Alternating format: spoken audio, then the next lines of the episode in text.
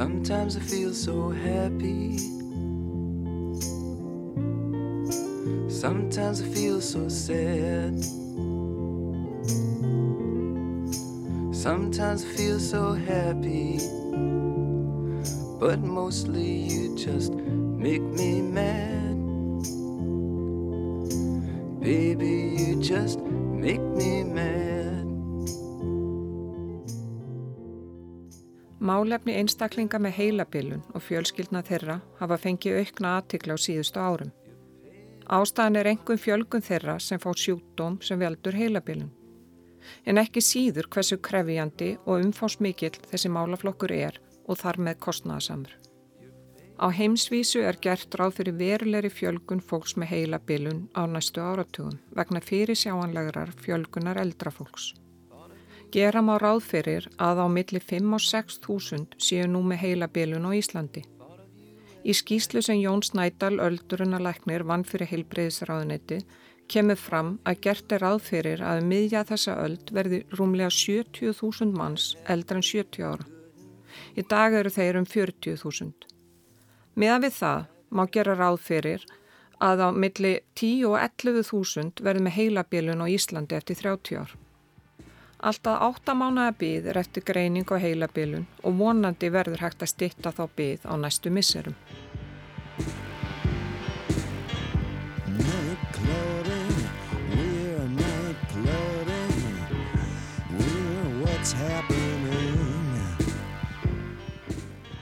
Sællustandi góður. Ég heiti Guðrún Háldanadóttir og þetta er 50 þátturinn á sjö um lífið eftir vinnu að eldast á Íslandi. Í þessum þætti verður engum fjallafun stöðu fólks með heilabilun og aðstandenda þeirra.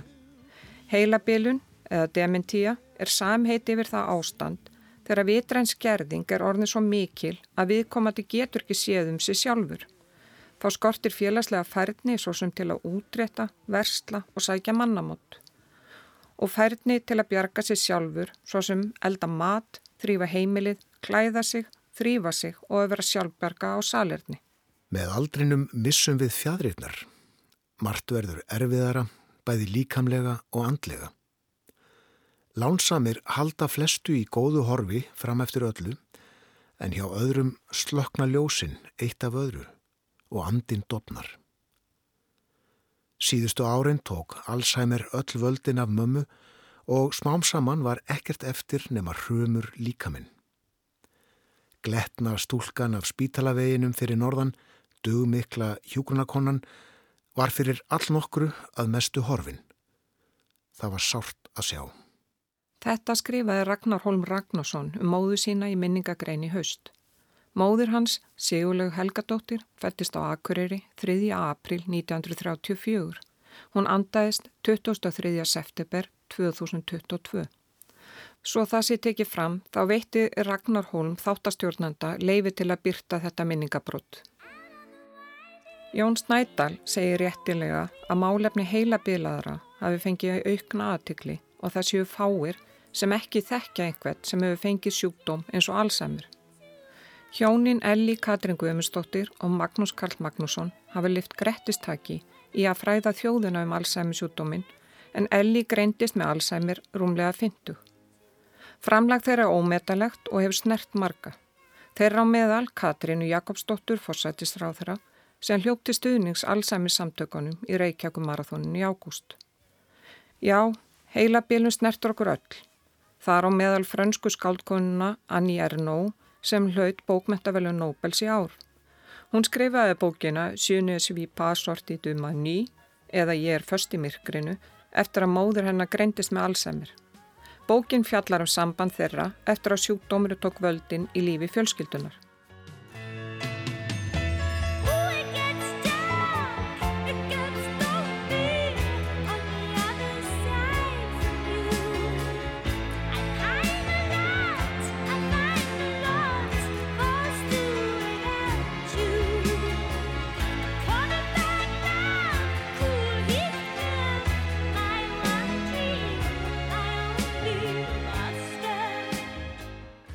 Í síðasta þætti var meðal annars fjallað um selmuverkefnið sem miðast að því að veita hrumum reykvíkingum þjónustu heim. Marget Guðnadóttir, hjúkunafræðingur og verkefnastjóri Selmu er að vinna doktorsverkefni um aðstæður fólks með heilabilun sem býr heima. Upphaflega þá ætlaði ég að skoða hvernig þjónusta í heimahúsi er háttað fyrir fjölskyldur og einstaklinga með heilabilun en það var bara ekki neitt að skoða þegar ég fór á stað með mína rannsóknir. Þannig að það, er svo takmarkaður stuðningur við engjani og, og aðstæður heilabilunar sem slíkar að því að heima hjúgrun og heima þjónusta, hún er í aðli sínu mjög verkhæfð. Hún er svona með skilgreinda og afmarkaða verkþætti sem hún getur stutt við og komið inn í sem eru oft sko livjagjöf, aðstofi að klæðast eða baðast eða fylgjast með næringu og, og eitthvað svona mjög svona konkrít stuðningur. En í aðstæðum heilabilunar að þá er ekki endilega þörf á þessum verkhæfðu atriðum en það er skýr þörf fyrir stuðning. Og þá var það spurningin hvers konar stuðning og hvernig nálgumst við hann? Og, þess vegna var svo mikilvægt að skoða leiðir fjölskyldna sem að nú þegar hafa verið að gangi gegnum þennan feril skoða hvernig fjölskyldur yfir höfuð eru að takast á við verkefni innan vekkja heimilisins, hvernig þau finna sér sinn eigin farveg í því að lifa með heilabilun og finna deginum gott gengi eins og hægt er. Það sem er svo mikilvægt fyrir okkur, nú tala ég um sko, okkur sem þá fag aðila eða þessa, þessa formlegu stuðningsþjónustu, það sem er svo mikilvægt fyrir okkur formlegu stuðningsaðilina er að læra af aðferðum fjölskyldnana og meðtaka það sem að, að þau geta kent okkur í því hvernig við ættum best með að nálgast þennan stuðning. Og þar hafiði væntalega fengið einhver svona svör? Já, þannig eh, var mín rannsókn sem sagt gekk út af það að fylgja eftir áttafjölskyldum í yfir tveggja ára tímabill og ég var svona eins og grár kötturinn og heimilum þessari fjölskyldna og var bara uh, svo innilega bóðin velkomin og það er ég ótrúlega þakklátt fyrir.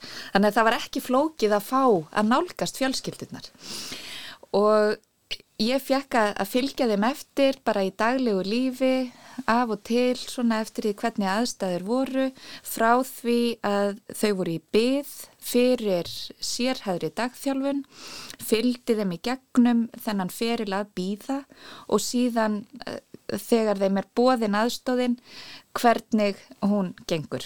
Því að tilfellið er að heimaþjónusta er mjög takmörkuð og þetta er Eh, það er þessi sérhæða dagþjálfun sem að er svona kannski fyrsti formlegi stuðningspunkturinn fyrir margar fjölskyldur í heilabilun.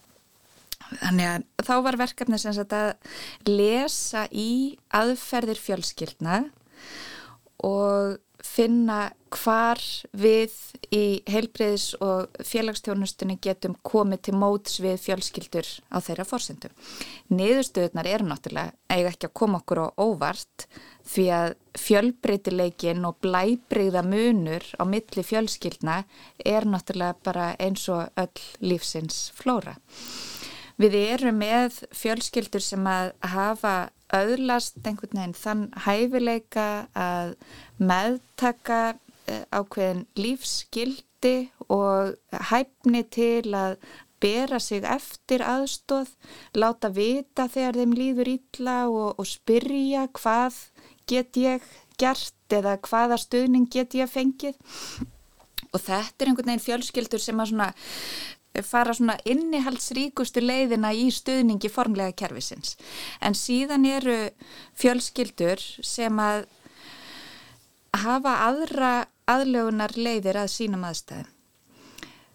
Reyna að mynda einhvers konar vendar hjúp utanum sína nánustu, uh, loka sig af og einangrast og það síðasta sem að svona fjölskylda myndi gera væri að opna sig um sína veikleika og, og byggja um hjálp.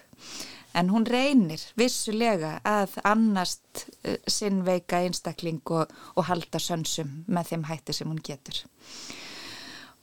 Og þetta eru þá fjölskyldur sem að auðveldlega týnast.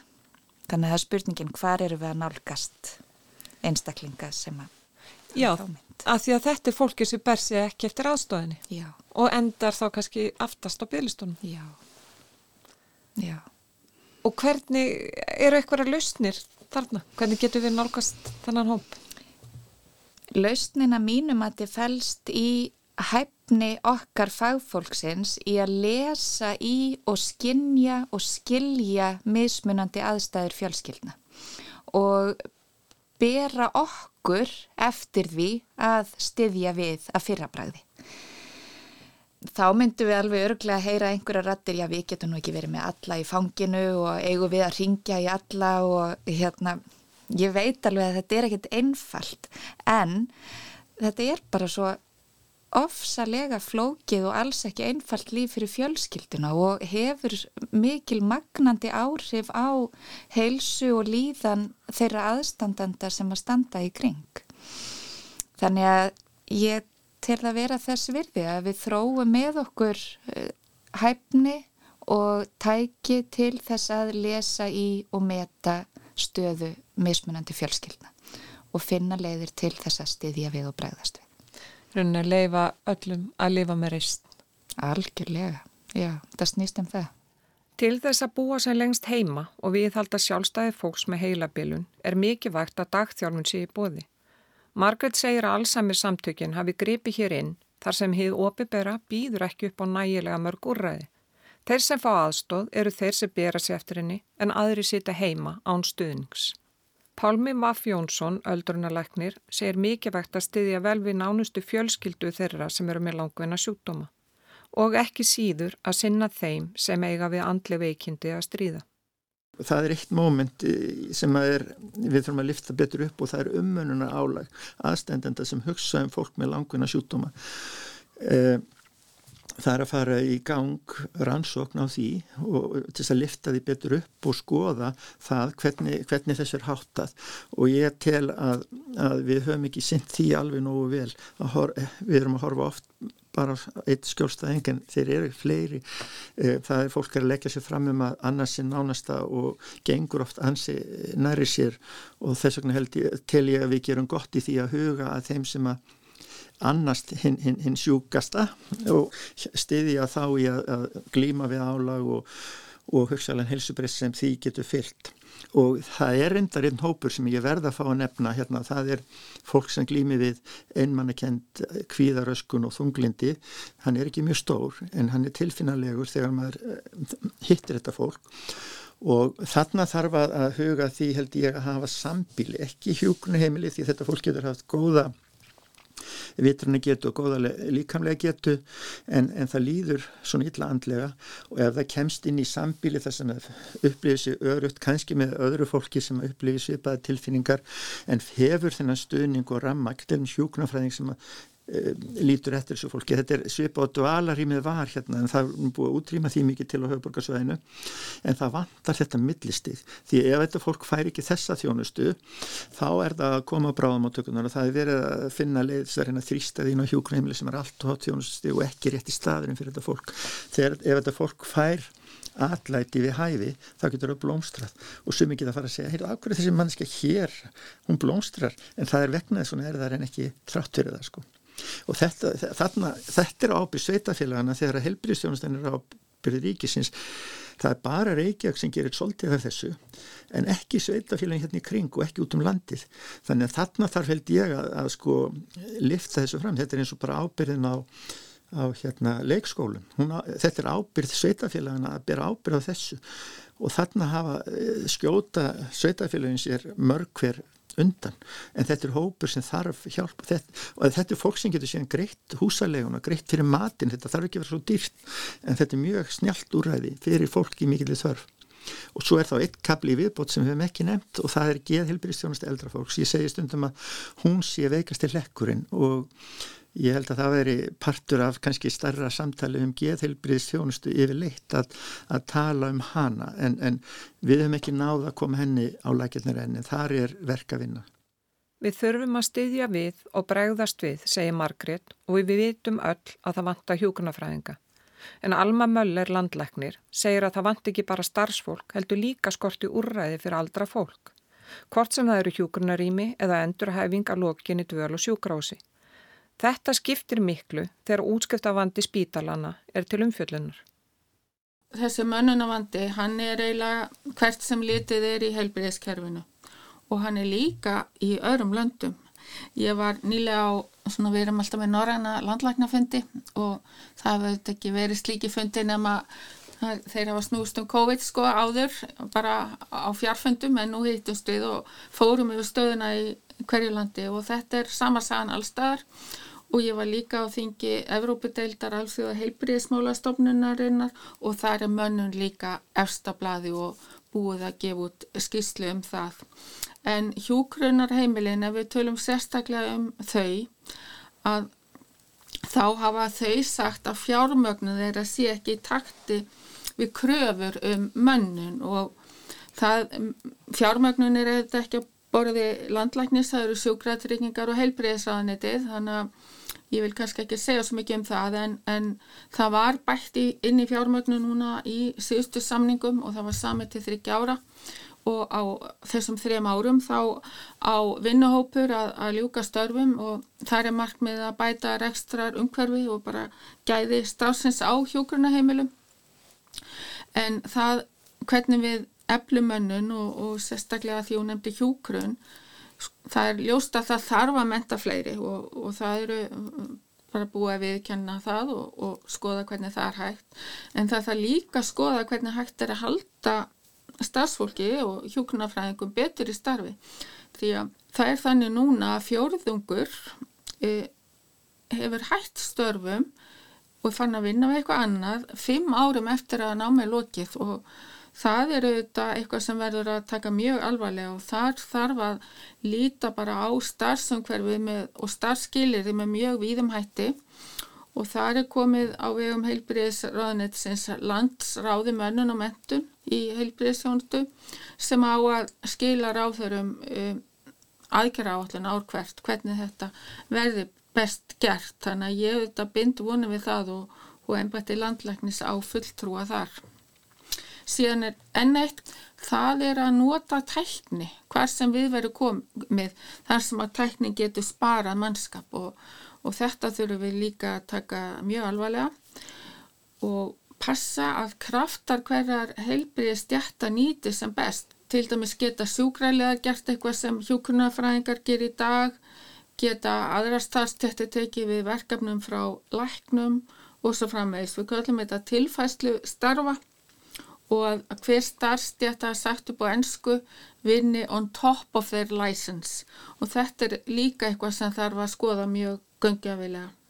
Þetta er kannski einmitt eitthvað svona svipa og er búið að vera að gera tilraunni með í helsugjastlunni að þess að hjúkurnafræðingar að þú talar við þig komandi og svo er það bara stundum lækni sem að tala hitta. Alveg hárið, þetta er akkurat liður í þessu og og þetta er bara, við erum þetta alltaf að læra og alla starfstjætti þurfa að vera ölláttar einmitt og taka þátt í þessu að, að hver og einn starfstjætt vinni þannig að mentun og reynsla nýtist sem allra best.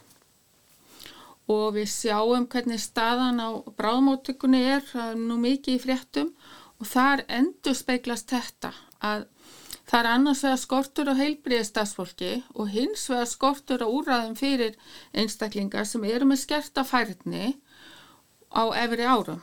Og það er auðvitað þarf að vinna þessu hvori tvekja að bæta mönnun og að fjölga þessum úræðum og þar eru við að tala um heimaþjónustu og, og margs konar aðra þjónustu sem að bara gera fólki kleift að búa heima sem lengst. Því að heima er jú best, ég held að við séum allir sammálum það og ég hef fylst náttúrulega með hvað verið er að gera út frá eh, bráðmóttökunni því að ég hef verið þar með svo vilt eftirlit og það er búið að gera heilmikið, það er verið að fjölga endurhæfingarýmum á landakoti, á Eir og nú séast á Solvangi. Það er búið að fjölga hjúgrunarýmum í gegnum faraldurinn. Það hefur verið mikil áherslu á að fjölga dagdvalarýmum og síðast en alls ekki síst að þá hafa fjárframlega til heimaþjónustu verið stór aukin. En þarf ekki að gera meira? Jú, það er það, er það alveg ekki spurning en það er líka spurning sko það er þessi mönnunavandi hann er þarna líka. Þannig að kannski þó að sé veit miklum fjármönnum þá eru bara ekki til bjargir til að koma þeim í, í, í hérna, réttan farveg. En það er eitt mjög flott verkefni sem er uh, heima er, er hér hjá uh, borginni Selma sem er teimi hjókunarfræðing og lakna sem að eru þá að, að ebla heilbríðastjónstu við fólk sem að notar heimahjókrun en að kemur eitthvað upp á. Og, og tilgangurinn er að forða fólki frá innlögn á bráðamáttöku og ef það er kannski veikindi sem er hægt að meðhandla heima fyrr. Og þetta er, er búið að gera mata og þessu og þetta virkar. Þannig að þetta eru þetta mótel sem að þarf að yfirfæra víðar og sveitafélagi þurfa þetta að læra hvert af öðru þar sem að hlutinni ganga vel að aðri taki það upp. Fjalla verður ítalega um rekstur hjúgrunaheimila í næsta þætti. There's something happening here But what it is ain't exactly clear There's a man with a gun over there Telling me I got to beware think it's time we stop. Children, what's that sound? Everybody look what's going down. Móðir Ragnhilda Guðmundsdóttur er einn þeirra sem sita först í kerfinu, þar sem vandi hennar er markþættur. Ekkert úrræður í bóði og hún á ekki möguleika á því að eldast með reist, með að við hvað staðan er í dag, en það er eitthvað sem við svo sannarlega viljum öll. Hún er, sem sagt, með margþættar vanda það er að hún er með ógreinda heilabilun eða Alzheimer og svo er hún líka með fíknuvanda og þessi tvíþætti vandi gerir það verkum að hún svona dettur millikerfa þar sem að eh, annar vandin einhvern veginn útlokar lausnir hjá hinnum eins og hún hefur, við erum búin að vera að reyna að fá greiningu á uh, minnistabi hennar, hvaða þarna liggur á baki, hvort það sé elliglöp eða allsamir eða hvað sem það er vegna þess að þetta er greinlega, henni búið að fara mikið aftur á seinustu árum og þetta er búið að vera alveg lengi í bíkjær þannig.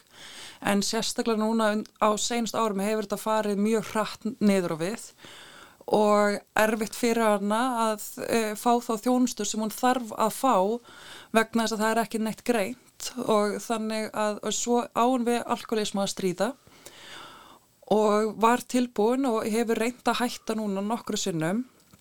Og núna seinast þá í miðju COVID þá fór hún í meðferð í mánuð og hún bara mjög ána með það og hún stóð sér mjög vel í meðferðinu, var með lítil frákvörf og allt svo leiðis en þá kom, var það svo skýrt hvað e, minnistap hennar er mikið og hvað hún verður ruggluð og villist og rættir hann að vera þegar hún veit ekki hvað er eiga sér stað og þannig að þegar við erum að ræða við þá á vogi, segja starfsfólk vogar, að þá treystu þau sér ekki til að hafa hana lengur inni. Hún fekk að vera í þennan mánuð en fekk ekki að fara í áframhaldandi meðferð þar sem við vorum að vonast eftir vegna þess að það var búið að segja okkur frá minnismóttökunni upp á landakoti að hún þarf að vera edru í þrjá mánuði til að hún gæti fengi greiningu.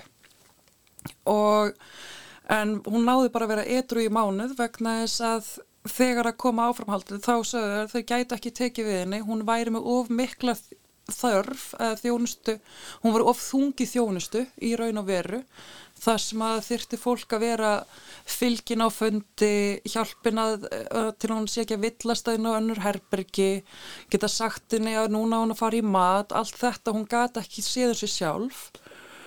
Og þannig að eina lausni sem okkur var sagt vegna þess að við vildum helst ekki taka við henni heim, við vildum halda henni edru í þessa þrjá mánuði, það var að setja henni upp á bráðmótöku og skilja henni eftir. Og þetta er í miðju COVID og þetta erum við ekki að fara að setja konu sem er nú þegar áttavilt og með elliklöp að skilja henni eftir upp á bráðmótöku og bráðmótökan getur heldur ekki tekið við henni og henni er þið bara hend út Þannig að því meður þá var hún bara leist út frá uh, vogi og fjall bara samdags. Síðan þá hefur henni raka mikið. Hún hefur fengið heimaþjónustu heim en það er, hefur gengið svona á freka bröðsulega en hún fær sérs, hefur fengið heimsóknar mótnana til að koma á fætur og passa hún takið lifið sín. Það gekk ekki alltaf eftir. Og svo á að ringja í hann á kvöldin og bara heyra í henni vegna þess að maður líka hrættur um að hún týnist og veit ekki hvar hún er og, og svoleiðis. En hún var ekki alltaf að svara síman en þá fyrir við í að leita að henni og sjá hvort hún sé heima eða hvað og svo náttúrulega líka kemur þetta upp að hún á ákveðin tímpunktu þá gleymur hún hvernig á að svara í síman að þetta er rosalega mikil dag að munur á henni. En svo fekk hún líka inn í Þorrasel í dagvistun sem hjálpaði mjög mikið. Og bara indislegt starfsfólk og ég veit líka að allir í þessu geira er reyna sitt besta en það er náttúrulega bara undurmönnun og vantar fjármagn og vantar lausnir fyrir hóp þessa fólks vegna þess að hún er ekkert einstam um það að vera eldri borgari með heilabilun og, og alkoholisma. Ragnhildur segir að fjölskyldan rekist allstaðar á veggi í kerfinu. Kerfi segir nei. Hún þarf að vera edru í þrjá mánuði til að fá greiningu en hún fær ekki greiningu vegna þess að eh, hún getur ekki verið edru í þrjá mánuði þess að hún fær ekki langtíða meðferð. Þannig að þá er hún bara þarna í lausu lofti og þá þarf bara að býða eftir að eitthvað alveg gerist eins og átt sér stað núna hjá okkur að hún meiðist svona yllilega og lendur inn á spítala. Og það er þá er kannski hennar eina von við að geta fengið aðstóð að hafa slasast? Já, í raun og veru. Annars var ekki hægt að taka neinstar á mótinni. Hún getur ekki, við vorum líka velta fyrir okkur og ég talaði við upp á geðdild, hvort það var að leggja inn á geðdildina, á fíkni geðdild og það var ekki bóði og hún alltaf getur ekki verið upp á bráðmóttöku þá er engin staður sem, þar sem hún getur verið til að halda sér etru í þennan tíma. Og svo alltaf líka þegar hún er með þessi elliklöp þá líka gleymur hún ofta hún að hætta að drekka. Þannig að það svona ég veit að það er náttúrulega erfitt að hugsa með þessu einstaklinga en það er samt einstaklingar sem hafa sumur réttindi og þarf bara að finna löst fyrir þá og hugsa svolítið út fyrir kassan þið kallið eftir því að það verði einmitt hugsað um þennan hóp. Já, algjörlega og þá hvort að þurfa að gera sér deilt á uh, meðferðarheimilum eða eitthvað meðferðarúrræði fyrir eldri borgara sem eiga við þennan vanda að stríða, bæði alkoholisma og svo líka líkamlegan vanda vegna þess að það er ekki bara alls sem er á elluglöp heldur er það að þetta er svo markþægt og þetta er náttúrulega fólk sem er svona búin að lifa sín bestu ár og oftar en ekki þá er líka þegar fólk á við áfengisvandamál að stríða eða aðra fíknisjúkdóma þá er það kannski ekki besta líkamlega áskil komulagi.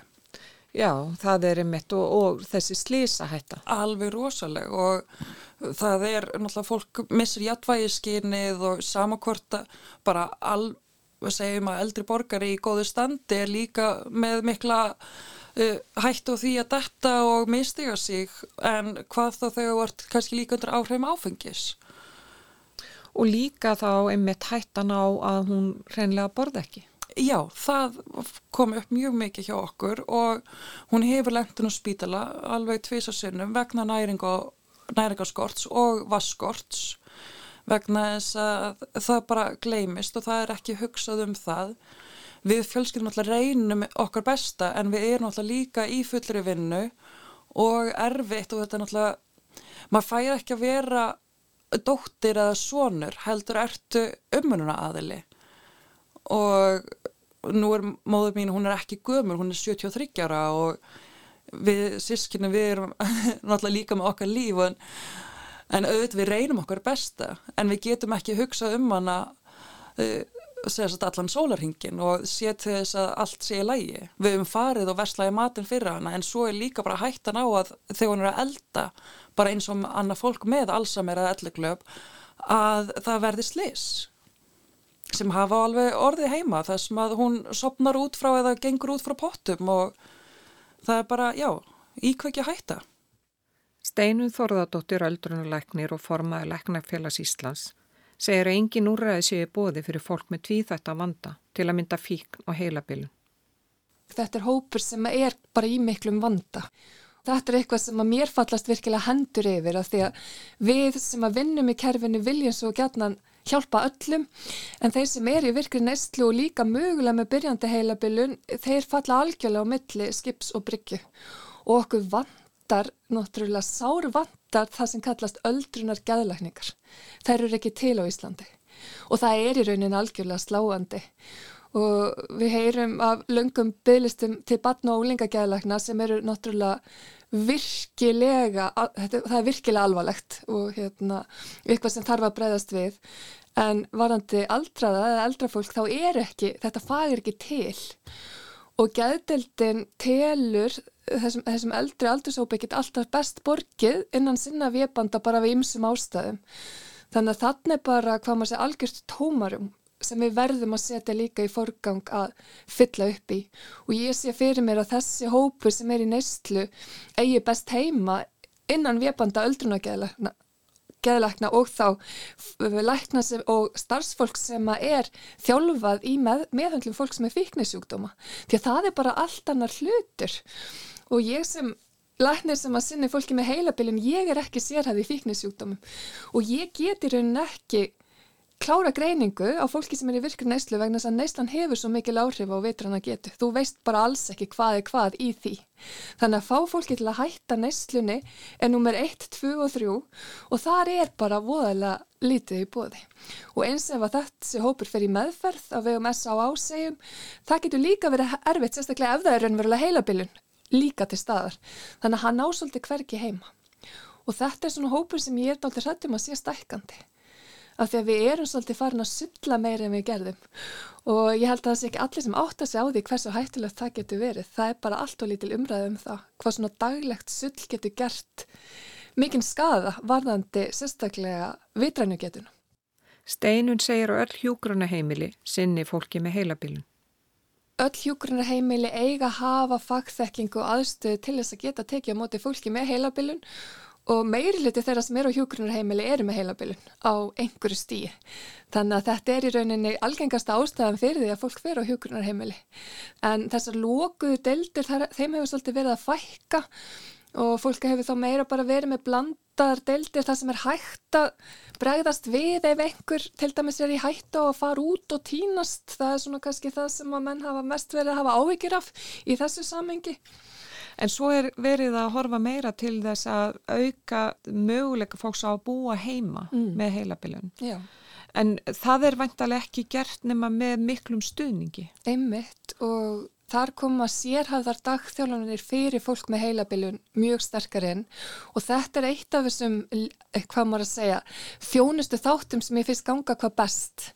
Þetta er bara stórkostlegt úrræði þegar það er vel rekið sérhæð dagþjálfun. Og þar þartu náttúrulega mikla fagþekkingu og fólk, starfsfólk sem starfar af hugssjón og hefur áhuga á að vinna með þessum hópi. Og ég sé þetta viðsvegar að í þessum sérhæðu dagþjálfunum sem við erum með, hvað þetta er ótrúlega vel hefnað og hvað þetta emmitt úrræði verður til þess að fólk getur búið miklu, miklu lengur heima heldur en annars væri. En það sem að gerir þennan hóp sem er með heilabilun aðeins floknar er að oft er þetta fólk sem er bara mjög sjálfbjarga líkamlega en þarf bara eftirlitt og þá er það bara stöðugt. Þannig að það er erfiðar að aðstofa þennan hóp með, hvað maður segja, heimahjókurinn sem kemur tvisar á dag eða eitthvað svoleiðis. Þetta er meira að þú þarf bara að það sé ykkur til staðar, alltaf. Þannig að maður sér fyrir sér líka fleiri svona sambílis úrræði fyrir fólk með heilabilinu en þess að ég segi margir eru mjög frískir líkamlega en bara þurfa þetta öryggi að það sé ykkur starfsmæður sem að fylgist með og sér um svona máltiðir og slikt. Þannig að við getum byggt í kringum örugla sérhæfið dagtjálunina meira svoleis og aðstandandi fólks með heilabilinu er að sinna mjög mikill ólaunaðri vinnu við að sjá um sitt fólk og ef að þessir aðstandendur hefðu möguleika til dæmis á því að komast frá um helgisegjum og þá er þeirra ástvinnur í sinni dagþjálfun þar sem að viðkomandi þekki sér vel, getur gistar yfir helgina eða ef aðstandandi þarf að vinna lengur, getur verið aðeins lengur í dagþjálfunu þá, þá sá sem er með heilabilinuna, það sem meiri sveigalegi, þetta er það sem að ég veit að aðstandendur kalla meira eftir. Dagdvöl eða dagþjálfu með sveigjaleika í dvöl og meiri opnunatíma var einmitt rætt í síðasta þætti. Eða eins og Halldóra Skumusson bendur á í skýslu sinni virðingu reist eru slík úrræði einn fljótvirkasta og skinsanlegasta leiðin til að mæta nýjum og aðkallandi áskorunum í að ebla þjónustu við eldra fólk. Og um leið þá sem í dag eru skráður á byggðlista eftir hjókunarími. Þannig væri hægt að stiðja við búsetu heima og nýta takmarka auðlind fagfólks á sem bestan hátt. Helga Alladóttir er hjúkurunadeildastjóri á göngu og samfélagsdeild landakots en þar fer meðal annars fram greining, meðferð og ráðgjöf til eldra fólks. Göngudeild er mjög mikil greiningar vinna og fólk kemur alltaf með tilvísun frá heimilisleikni eða öðrum sérfræðingi sem hefur óskað eftir aðkomu öldruna sérfræðinga sem eru þá gungutildinni og það er mjög mikið sem er verið að greina og vinna með greiningar varðandi minni sjúkdóma. Svo er svona almenn hörnun hjá sjúklingum sem eru orðnir eldri, ekkert endilega komnir yfir 67 ára aldurinn ef það er eru enkenni um, um öldrunarsjúkdóma áður og þá fer það hjá okkur í ákveðferðli. Síðan höfum við líka verið með bæklunar móttöku fyrir fólk sem hefur farið í sagt, aðgerð eftir brot og er kannski með uh, einhver beinþingu eða önnu vandamál sem þarf nánar uppvinnslu hjá öldrunarleikni og svo erum við með byllt og beinvendar móttöku líka þannig að við erum með mjög margt í gangi og við vinnum líka með hjúgrunamóttökur þar sem eru bara hjúgrunafræðingar sem hitta uh, sjúklinga og hérna fólk er oft er það ekki lengi í ferli á gungudildinni. Þetta er bara eitthvað sem líkur svo með greiningu og þá útskrifast fólk af gungudildinni. Það er ekki fyrir en eftir greiningu sem fólk kemst áfram í kerfinu, hvort það eigi möguleika á aukinni þjónustu og þarna eru bygglistarnir langir. Það er þannig að þú kannski upplifir heima einhver enkenni sem að enkenni varðandi til dæmis ef við tökum bara fyrir núna minnis, en, mannissjúkdóma, enkenni sem tengjast í, sem að geta verið samt líka út af streitu, sem geta verið út af ofálægi, e, þunglindisenkenni, kvíðaenkenni og, og þannig að fólk í rauninni er kannski að upplifa eitthvað svona minnisenkenni sem að flestir vilja auðvitað útiloka að það sé ekki ástæðan. Þannig að það er ekki allir sem koma sem fá raunverulega greiningu.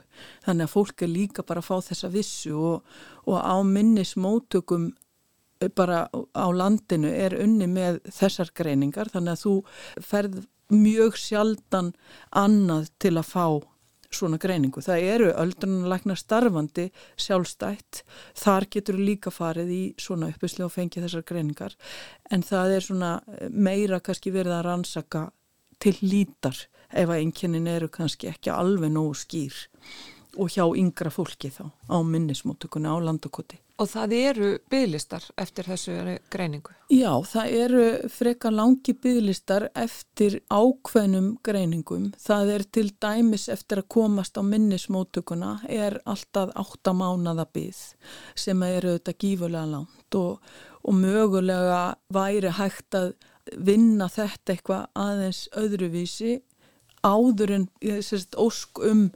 greiningu á gungudildi er. Það er að oft er hægt að vinna meira í sagt, varðandi undibúningin hjá heimilisleikni eða öðrum sérfræðingum þannig að, að margir koma og eru kannski búin að býða svona lengi en svo bara fljótlega fá vissu um að þetta er kannski ekki þetta og maður kannski þarf að hafa líka í huga ef að það er mikið annað álaga að maður byrja að skoða er eitthvað sem maður getur gert annað þar maður að leta á álægi þar maður að hugað andlir líðan þar maður að, að gera eitthvað annað heldur en að ganga mellir lækna og býða eftir greiningu Og það getur þá fólk kannski gert með því að huga að heilsunni heima?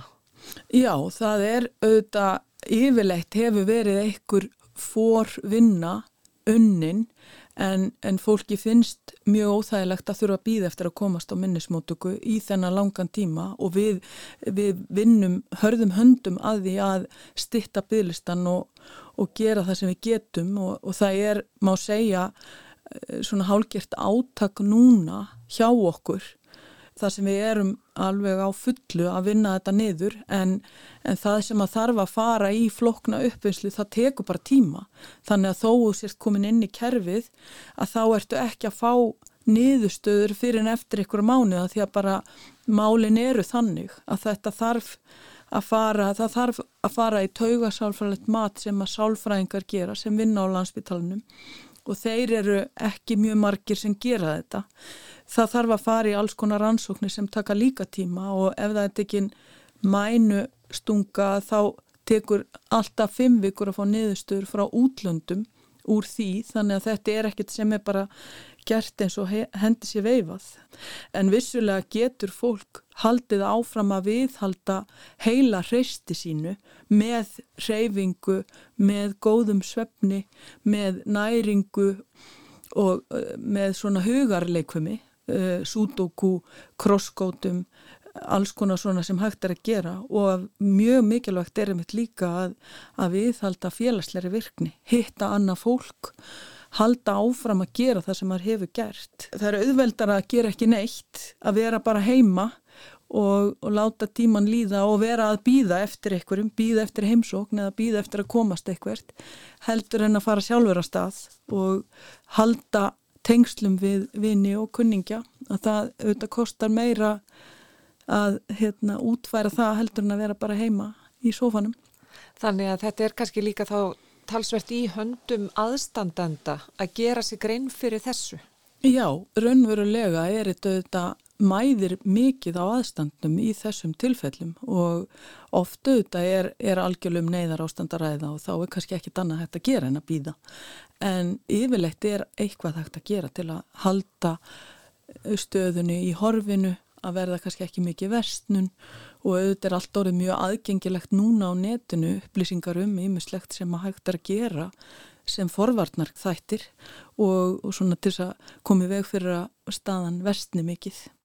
Helga segir að í kjálfar greiningar fái fólku upplýsingar um hvaða þjónusta sé í bóði. Fyrir þá sem eru með minnisjúkdóma eru sérhæðar uh, dagþjálfanir í bóði og það er alveg gífurlega upplugt starfi unni þar og, og bara gaman að fylgjast með því.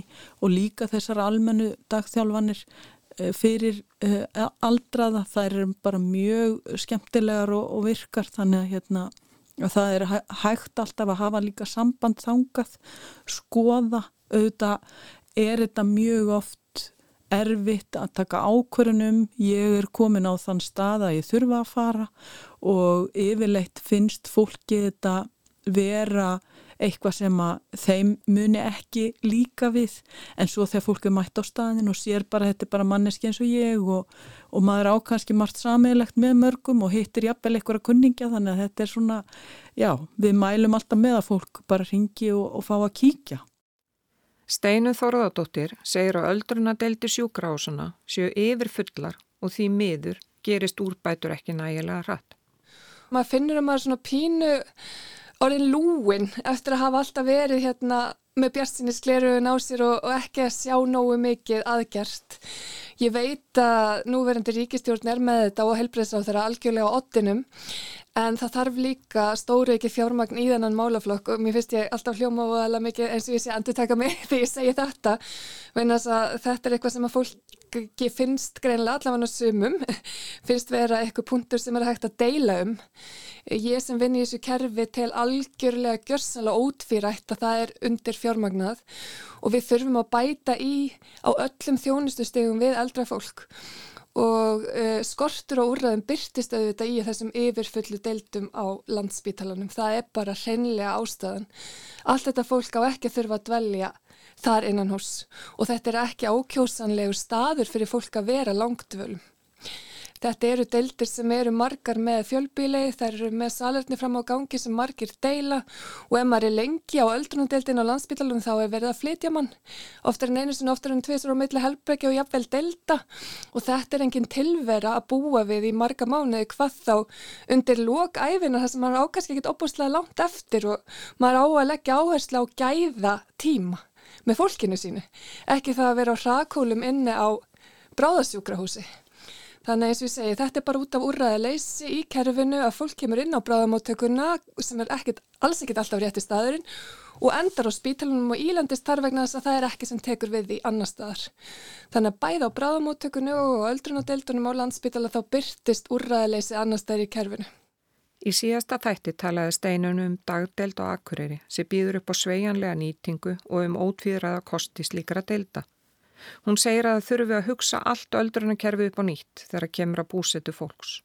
Við erum með svona frekar mörg hjúkunarími per höfðatölu ef maður horfur á löndinni kringum okkur en á móti kemur þá er fólk að velja mjög stutt á hjúkunarheiminu miklu stuttur en var.